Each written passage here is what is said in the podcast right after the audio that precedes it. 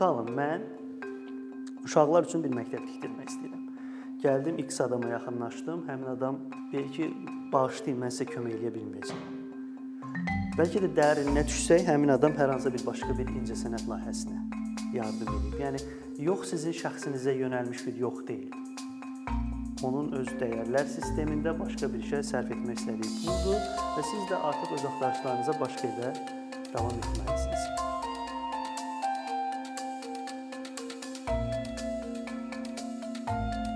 Deməli, fundraising ə, söz ingiliscədir. Mən əminəm ki, bir çoxunuz bələdsiniz. Hərfi mənada fund pul, maliyyə mənasına gəlir. Raising ə, onu toplama, əldə etmə ə, anlamını verir. Ən sadə şəkildə fundraising yaxşı bir səbəb üçün ə, yaxşı bir cause deyirlər ingilislər, yaxşı bir səbəb üçün pul toplamaq cəhdidir, səyidir. Yəni siz pul toplayırsınız müxtəlif donorlardan, müxtəlif insanlardan. Amma e, fundraisinglə bağlı tabular var. Fundraisinglə bağlı belə bir deyim, bir şeytan var. O şeytanı ram eləmək lazımdır. Bu hansı şeytandır? E, fundraising haqqında yanlış bilinənlər və insanı fundraisingdə çəkindirənlər. Mənim təcrübəm mən 5 ildir Toxum crowdfunding platformasının həm təsisçisiyəm, amma fundraising fəaliyyətimə ta tələbəçilik illərindən 2011-ci ildən başlamışam. Mən üzvü olduğum Isaac Beynəlxalq Tələbə Təşkilatının tərkib hissəsində yəni hardasa bir 11 illik fundraising təcrübəm var.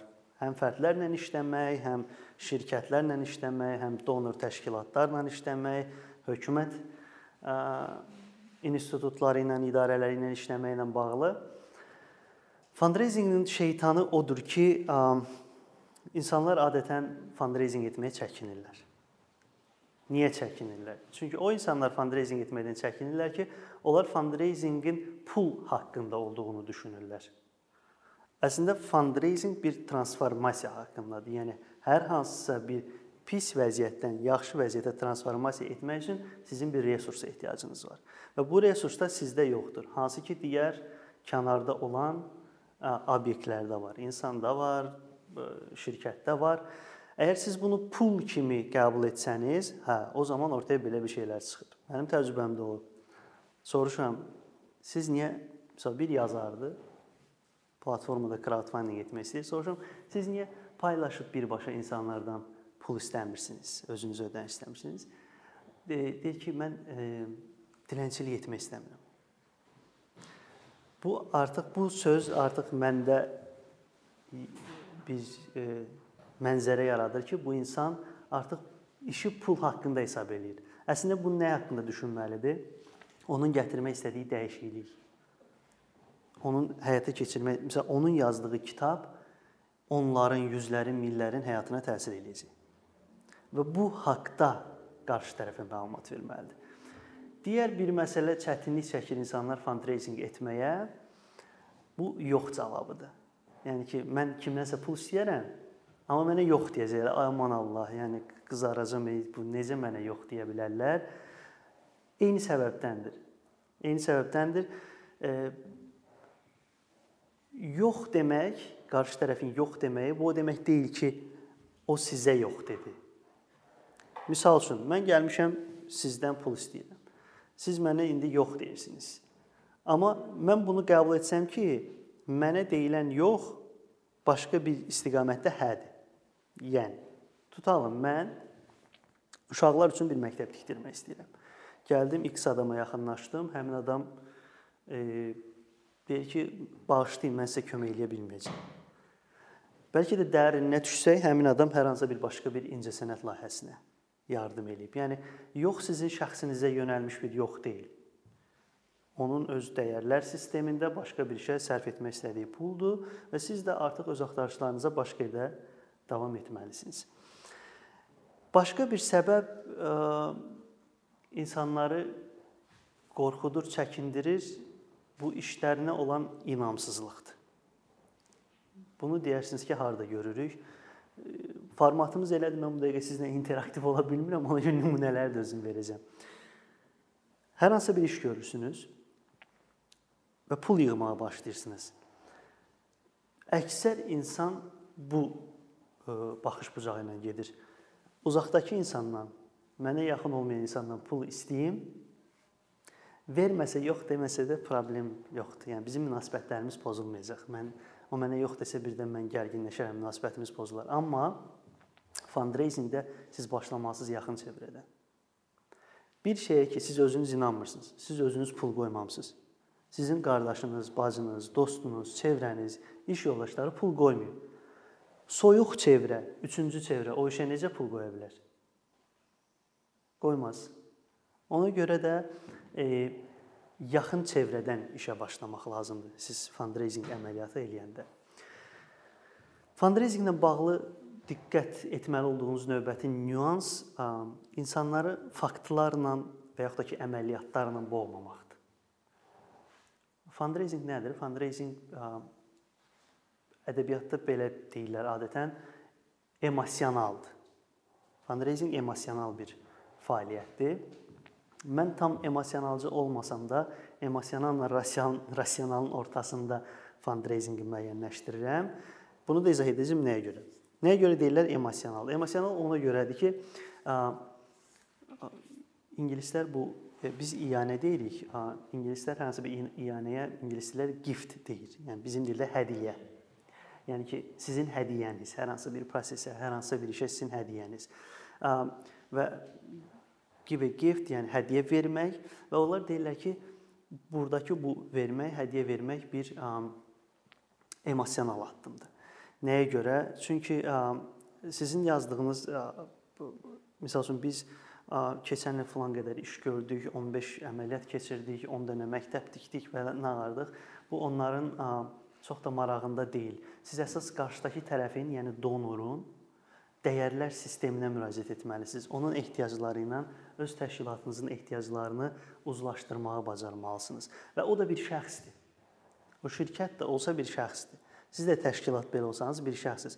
Onun özünün inandığı dəyərlər var, inandığı bir sistem var, zövq aldığı işlər var və siz onlardan istifadə edib həmin insanlarla emosional bağ qurmalısınız. Yəni bu bir növ əlaqələr qurmaq üzərində olur.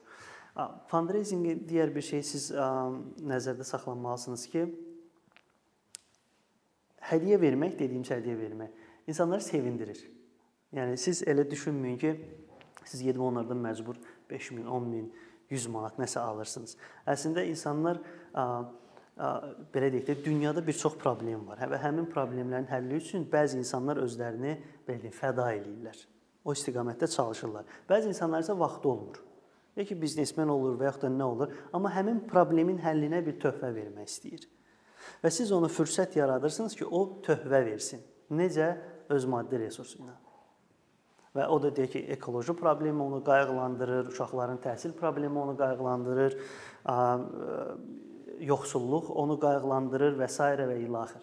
Siz kömək kömək edirsiniz, şans yaradırsınız ki, o versin. Sonra hədiyyə vermək deyirlər həm də sosialdır. Niyə sosialdır? Bunun da nümunəsi var. E, siz dükanlara gedib yəqin görmüsüz, belə qutular qoyurlar. Nə bilim, sos olur, nə bilim, qrinlərin nələrsə olur, qoyurlar. Və belə bir eksperiment var və belə bir tendensiya var. O qutu boş olanda heç kim ora pul atmır. O qutunun içərisində qəpiklər olanda insanlar qəpik atmağa meylli olur. O qutunun içərisində kağız pul olanda insanlar kağız pul atmağa meylli olur. Hə, bu sosial, yəni insanlar bir-birinin dəstək olduğunu görüb və onlar da həvəslənir və ə, ə, sizə kömək olmağa çalışırlar. Burada nə ilə əlaqə qururuq? Yaxın çevrə ilə uzaq çevrə. İnsanlar birinci görsə ki, sizin yaxın çevrəniz sizə dəstək olur. Sonra soyuq çevrə, uzaq çevrə də gəlib sizə dəstək olacaq. Bu fundraisingin belə deyim, yoxu üzərindən, bizim qorxularımız üzərindən olan bir şeydir və bir qorxu da qıtlıq qorxusudur. Yəni e, adətən də sosial təşəbbüslərdə mən hiss edirəm, e, elə bilirlər ki, bu pul məhduddur və ancaq onlar bu pulu burdan ala bilər. Mən inandırım sizə ki, dünya tarixi hələ bu qədər pul görməyib. Və çox pul var. Yəni siz adicə Avropa Birliyinin, nə bilim, Avropa Şurasının, digər böyük institutların Veb saytlarına da sadəcə daxil olun. Onların illik sosial təşəbbüslər üçün ayırdığı büdcələrə baxın. Söhbət milyardlardan gedir. Milyardlardan gedir. Yəni siz fundraising edərək bir növ həmin təşkilatların da missiyasına çatmağına kömək olursunuz. Nəyə görə? Deyək ki, hansısa bir X təşkilat 10 milyard pul ayırıb ki, bu il falan-falan istiqamətlərdə xərclənsin. O o halda uğurlu olur ki, ilin sonunda bu 10 milyardı xərcləyə bilir. Yəni 10 milyardı verə biləcəyi layihələr tapır. Əgər 6 milyard xərcləsə, o uğursuzdur. Öz büdcə planlamasında. Ona görə yəni siz düşünməyin ki, resurslar məhduddur. Resurslar heç bir halda məhdud deyil, yəni müxtəlif üsullarla tapa bilərsiniz. Mən bunları niyə dedim? Bizim qorxularımızın üzərinə getmək üçün fundraisinglə bağlı, yəni utanmamaqla bağlı. E, indi fundraisingin özünə gələ. Fundraising artıq bir peşə halına gəlib. Bu peşə halına gəlibsə, menecmentin, idarə etmənin özünə uyğun qaydaları var idarə etməsi var. Yəni fundraising mən belə bir söz işlədirəm həmişə. Fundraising könüllü olaraq həyata keçirilə bilər, amma peşəkar şəkildə. Yəni bu fundraising o demək deyil ki, hə bir dənə işimiz var. Gəlin tez bazar buna pul yığaq. Ay yığıldı, yığılmadı. Necə yığacaqsınız, nə vaxt başlayacaqsınız, nə vaxt qutaracaq? Bu sizi qayğılandırmırsa bu fundraising deyil. Yəni və yaxud da ki siz fundraising menecer deyilsiniz, siz mütəxəssis deyilsiniz. Fundraisingin əsasında 3 dənə və yaxud da ki belə deyim, 4 dənə şey mən sadalayaram ki, əsas diqqət diqqət etməli olduğunuz şey. Birincisi öhdəlikdir. Əgər fundraisinglə məşğulsunuzsa, bir öhdəlik götürməlisiniz. Könüllü ola bilər, pulla işləyə bilərsiniz fundraising meneceri kimi, amma bir öhdəliyiniz olmalıdır ki, mən bu səbəb üçün filan miqdar pul yığacam. Bu bu bu işləri görəcəm. Gündəlik bu qədər vaxtımı ayıracam. İkinci məsələ səbəbdir.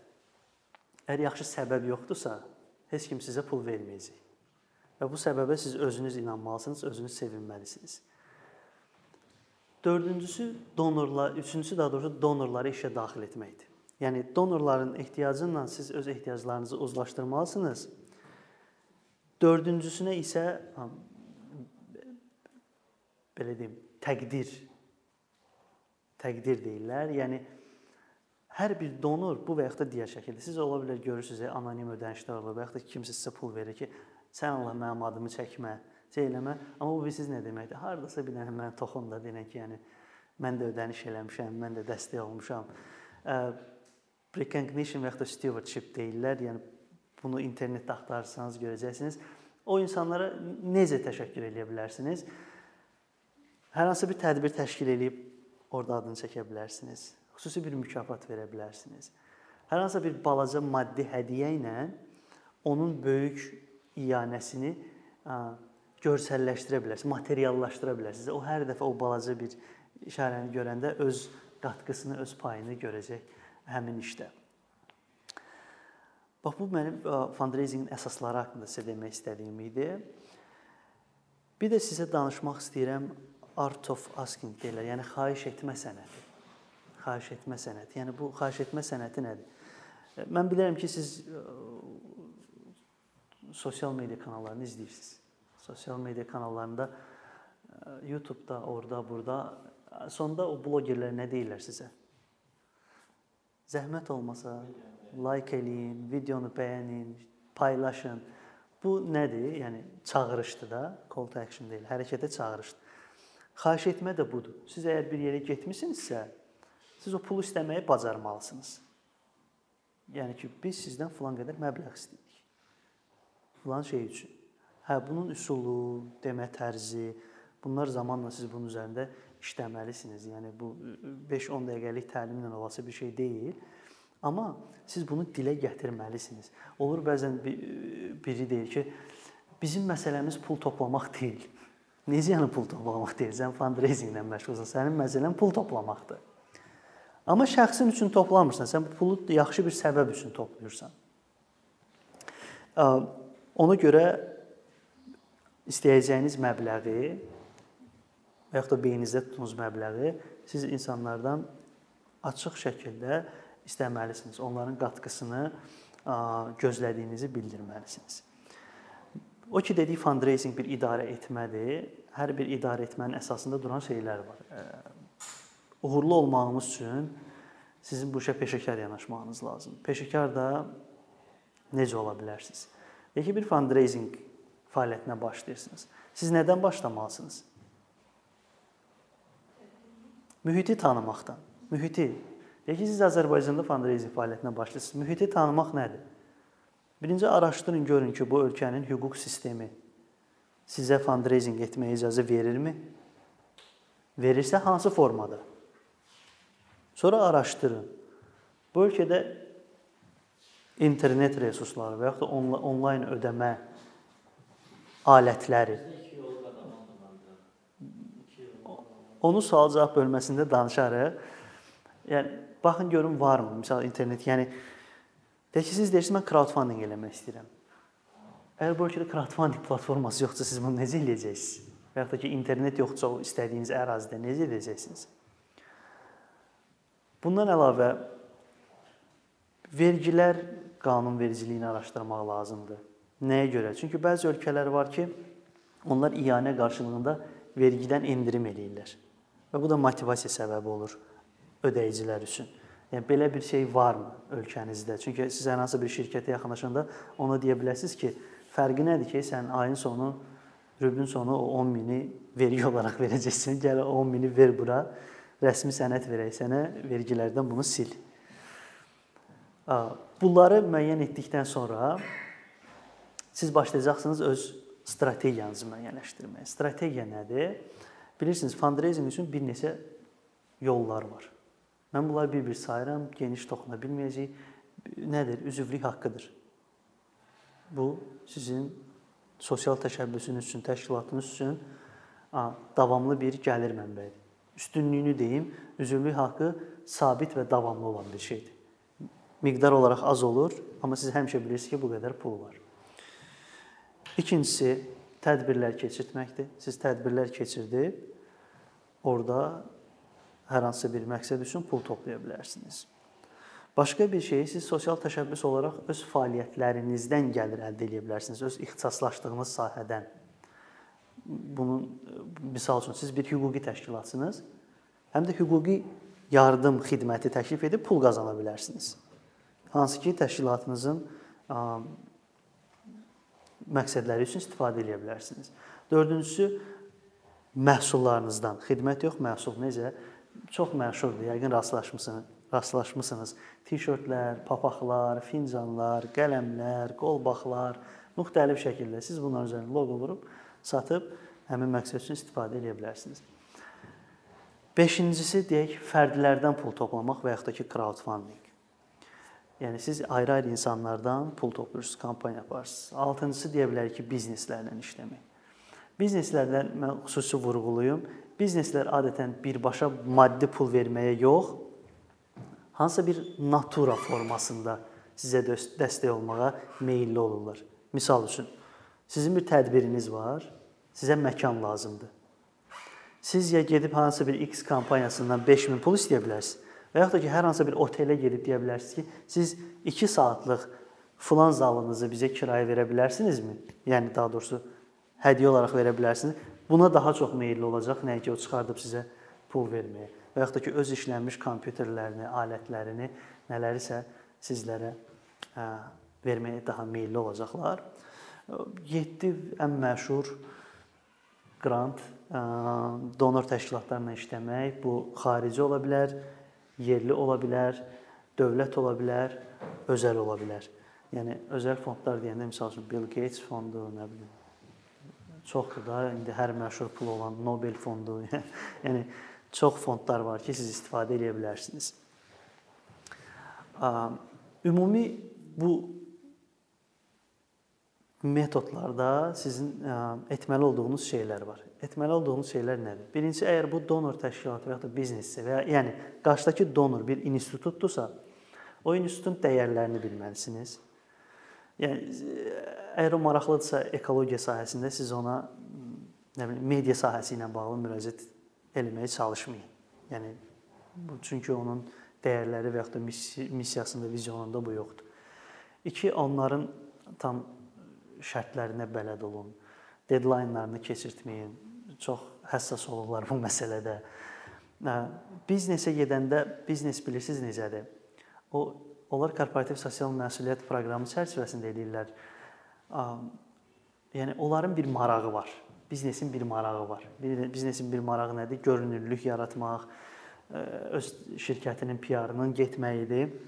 Və bu maraqları dəqiq ölçməlisiniz ki, öz ehtiyaclarınızdan onu uzlaşdırasınız da. Bunu ölçməyəndə sizin fundraising görüşünüz böyük ehtimal ki, uğursuz alınacaq. Fərdlərlə işləyəndə isə bir növbəli yaxın çevrənizdən başlayırsınız. Yaxın çevrə sizə dəstək olur. İkinci, hər bir fərdlə işləmə üsulunu seçirsiniz. Yəni siz bununla mesajlaşacaqsınız, görüşəcəksiniz, e-mail atacaqsınız. Necə olacaq? Bu münasibətlərinizin dərəcəsindən asılı olur. Üçüncü, hər biri üçün planlamalısınız ki, siz nə qədər pul istəyəcəksiniz.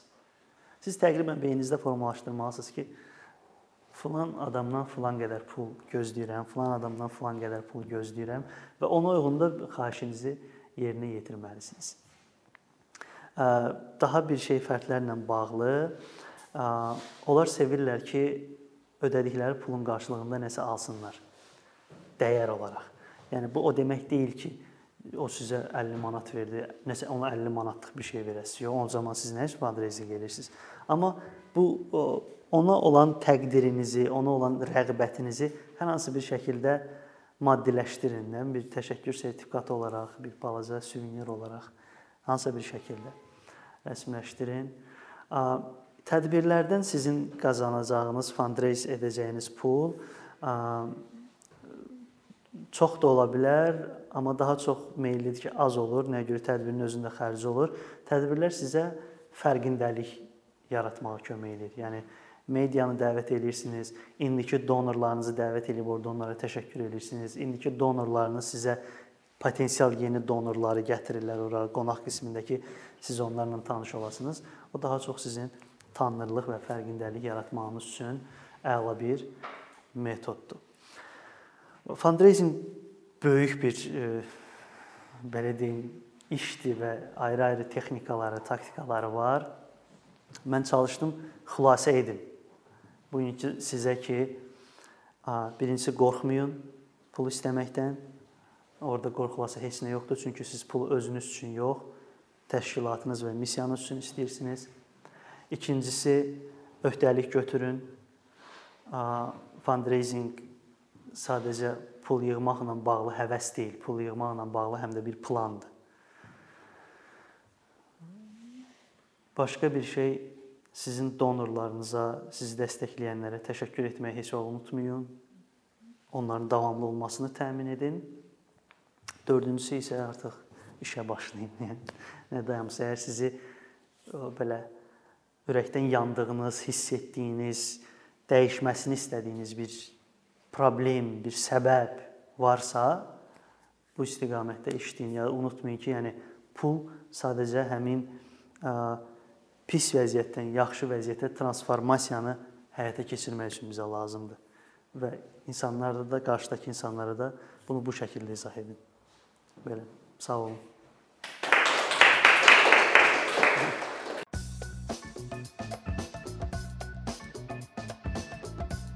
Bir neçə ildir ki, əkinçi olaraq Azərbaycanlı izləyicilərin hər zaman faydalana biləcəyi keyfiyyətli və ən əsas ödənişsiz kontent hazırlamağa çalışırıq. İndiyədək təqdim etdiyimiz onlarla animasiya və yüzlərlə çəkilişlər tələbələrin, mütəxəssislərin, müəllimlərin və ümumiyyətlə yeni mövzulardan xəbərdar olmaq istəyən çox sayda insanın marağına səbəb olub.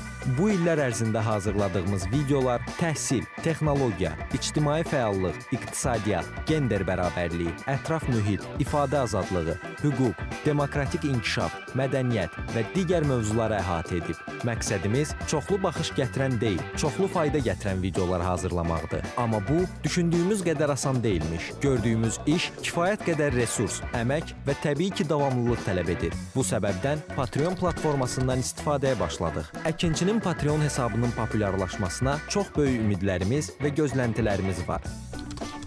Bəziləriniz Patreon haqqında ilk dəfə eşidirsiniz. Əslində çox sadə izahı olan bir platformadır. Təsəvvür edin ki, siz rəssam və ya musiqiçisiz. Sosial şəbəkələrdə sizi izləyən, işinizi bəyənən çox sayda insan var. Patreon platforması sizə imkan verir ki, izləyicilərinizin könüllü aylıq ödənişləri sayəsində işinizi davam etdirəsiz. Sərgi, konsert zallarından asılı qalmayasınız. Amma bu təkcə rəssam və musiqiçilərə aid deyil. Məsələn, əkinçiyə bənzər fəaliyyətlə məşğul olan bəzi layihələrin 10 minlərlə patronu var. Biz də düşündük ki, nə üçün əkinçinin Patreon hesabı olmasın? Sizin dəstəyiniz sayəsində biz daha çox və daha keyfiyyətli kontent yaratmağa davam edə biləcəyik. Amma bu dəstək yalnız maddi dəstək deyil. Dəstəkçilərimizin sayının artması gördüyümüz işlərin faydalı olduğuna dair əminlik verir. Patreon platformasından istifadə çox sadədir. Hesabınızı açırsınız, sizə uyğun dəstək növünü seçirsiniz və Patreon özü hər ayın ilk günü kartınızdan seçdiyiniz dəstək növünə uyğun ödəniş tutur. Bu qədər. Sonda onu demək istəyirik ki, dəstəkçilərin sırasına qoşulmaq istəyən, amma məhdud imkana görə bunu edə bilməyənlər narahat olmasın. Daha öncə dediyimiz kimi, bizim əsas məqsədimiz daha çox insanın hər zaman faydalana biləcəyi keyfiyyətli və ödənişsiz kontentin yaradılmasıdır. Bunun üçün mütləq patronumuz olmalısınız deyə məcburiyyət yoxdur. Amma imkanınız patron olmağa çatırsa və bizim işimizi bəyənirsinizsə, patronlarımızın sırasına qoşulmağınız bizim üçün çox önəmlidir.